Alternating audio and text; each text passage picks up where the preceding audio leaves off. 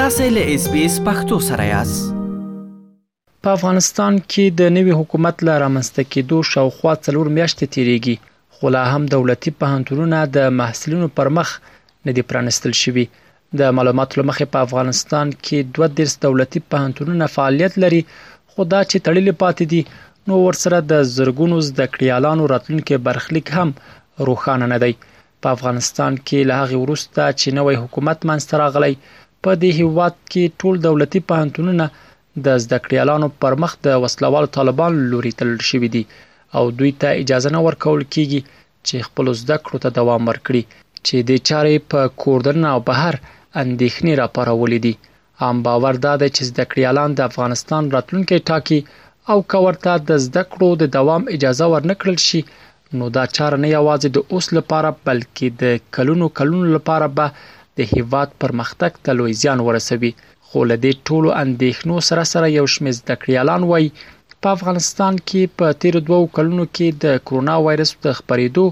او سیاسي تحولاتو له امله تحصیلي بنسټونه ډېر وځپل شول او اوس اړتیا ده چې پوهنتونونه بېرته پیل شي.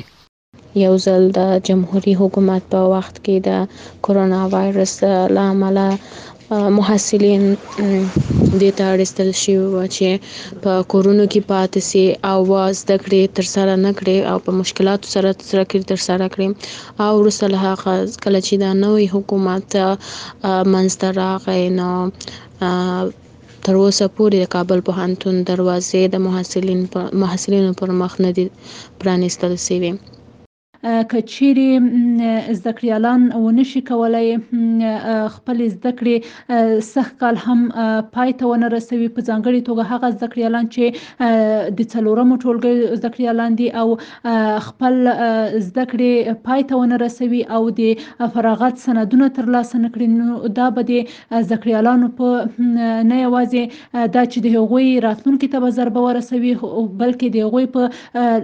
رواني وضعیت به هم ژور اغیز وښندي د کابل پوهنتون د ژورنالیزم پوهنځي یو تن زده کړیال محمد نعیم هوتک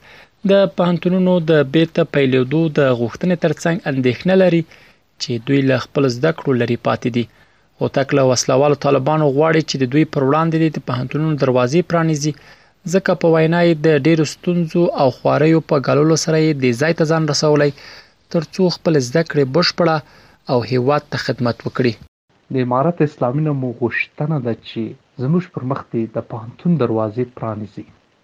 ځکه موږ تر دې مهاله له ډېرو ستونزو له ډېرو زحمتونو تېر شوي يو او دې ځای ته مو ځان را رسولی ده او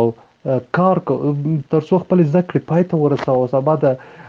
ښکلي افغانستان د راتلونکي لپاره کار وکړو نو د امارت اسلامي نه مو غوشتنه ده چي زموږ پر مخ دي د پوهنتون دروازې پرانيزي. د ښوونې او روزنې پوهنتون د ادبیاتو د پښتو څانګې د وروستي کال زده کړیال احمد غیاس منګل چې تمه یې درلوده سږ کال له پوهنتون نه فارغ شي وایي د پوهنتونونو له تړل کېدو سره یې راتلونکی برخلیک روښانه نه دی هغه زیاته کړه له بده مرغه د تیر حکومت له پرځېدو را په دې خوا هر څه له منځه تللي او د تعلیمي مرکزونو سربېره د تحصیلي بنسټونو دروازې د دوی پر مخ تړل شوي دي. دی له وسله والو طالبانو غواړي چې د پوهنتونونو دروازې دې له قید او شرط پرته ژر تر ژره پرانیزي. زمونږ غوښتنه، زمونږ هیله د اسلامي امارت څخه دا ده چې بیرته تعلیمي مرکزونه، پوهنتونونه، کابل پوهنتون بیرته پرانیزي او مونږ وکړای شو چې بیرته خپلو درسونو ته او خپل پانتونونو ته یا تعلیمي مرکزونو ته بیرته لاړ شو خپل درسو ته ادامه ورکو ترڅو زمونږ حیات او زندگی په خطر کې نیوي وکولای شو چې یو آرامه سوکاله او د هیلو ډکه زندگی او ژوند ولرو. په دې ډله کې یو شمېر زده کړیالان بیا وایي، که څه هم په افغانستان کې د فقر او بې وزلۍ ګراف لوړ شوی، خو د دې هېواد د راتلونکي نسل اساسي موخه چې زده کړې دي باید له هیره ونه وځي. دوی زیاتوي چې له تعلیم او لوړ زده کړو پرته ناشونې ده چې افغانستان دې له نړۍ سره سیال شي. دغه شمېر زده کړیالان په دې اند دي، که دولتي پوهنتونونه ژر تر ژره بېرته فعال نه شي،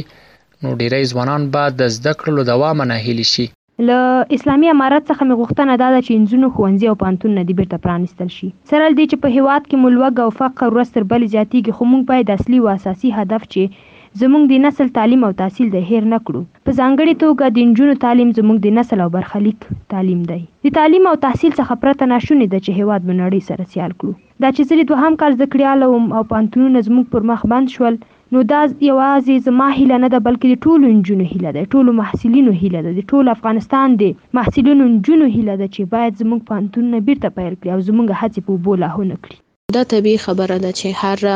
هیواد یو مسلکي اشخاصو ته، مسلکي نسل ته او مسلکي ځوانانو ته اړتیا لري، نو که ځوانانو ته ځوان نسل ته دا زمینه برابر نه کړای شي نو هیڅ کله به هیواد هغه پرمختګ چې هغه ته اړ دی یا اړتیا لري هغه ونه لري په افغانستان کې د دولتي پوهنتونونو د تړل پاتې کېدو له امله اندېښنې په داسې حال کې مطرح کېږي چې د خصوصي پوهنتونونو روزنیز بهیر بیا د لوړ زده کړو وزارت له نویو شرایطو سره د وږې پر پنځلسمه پیل شوي دي، خو د دې پوهنتونونو چارواکي بیا د اقتصادي ستونزو له امله په بېساري توګه د خپلو محصلینو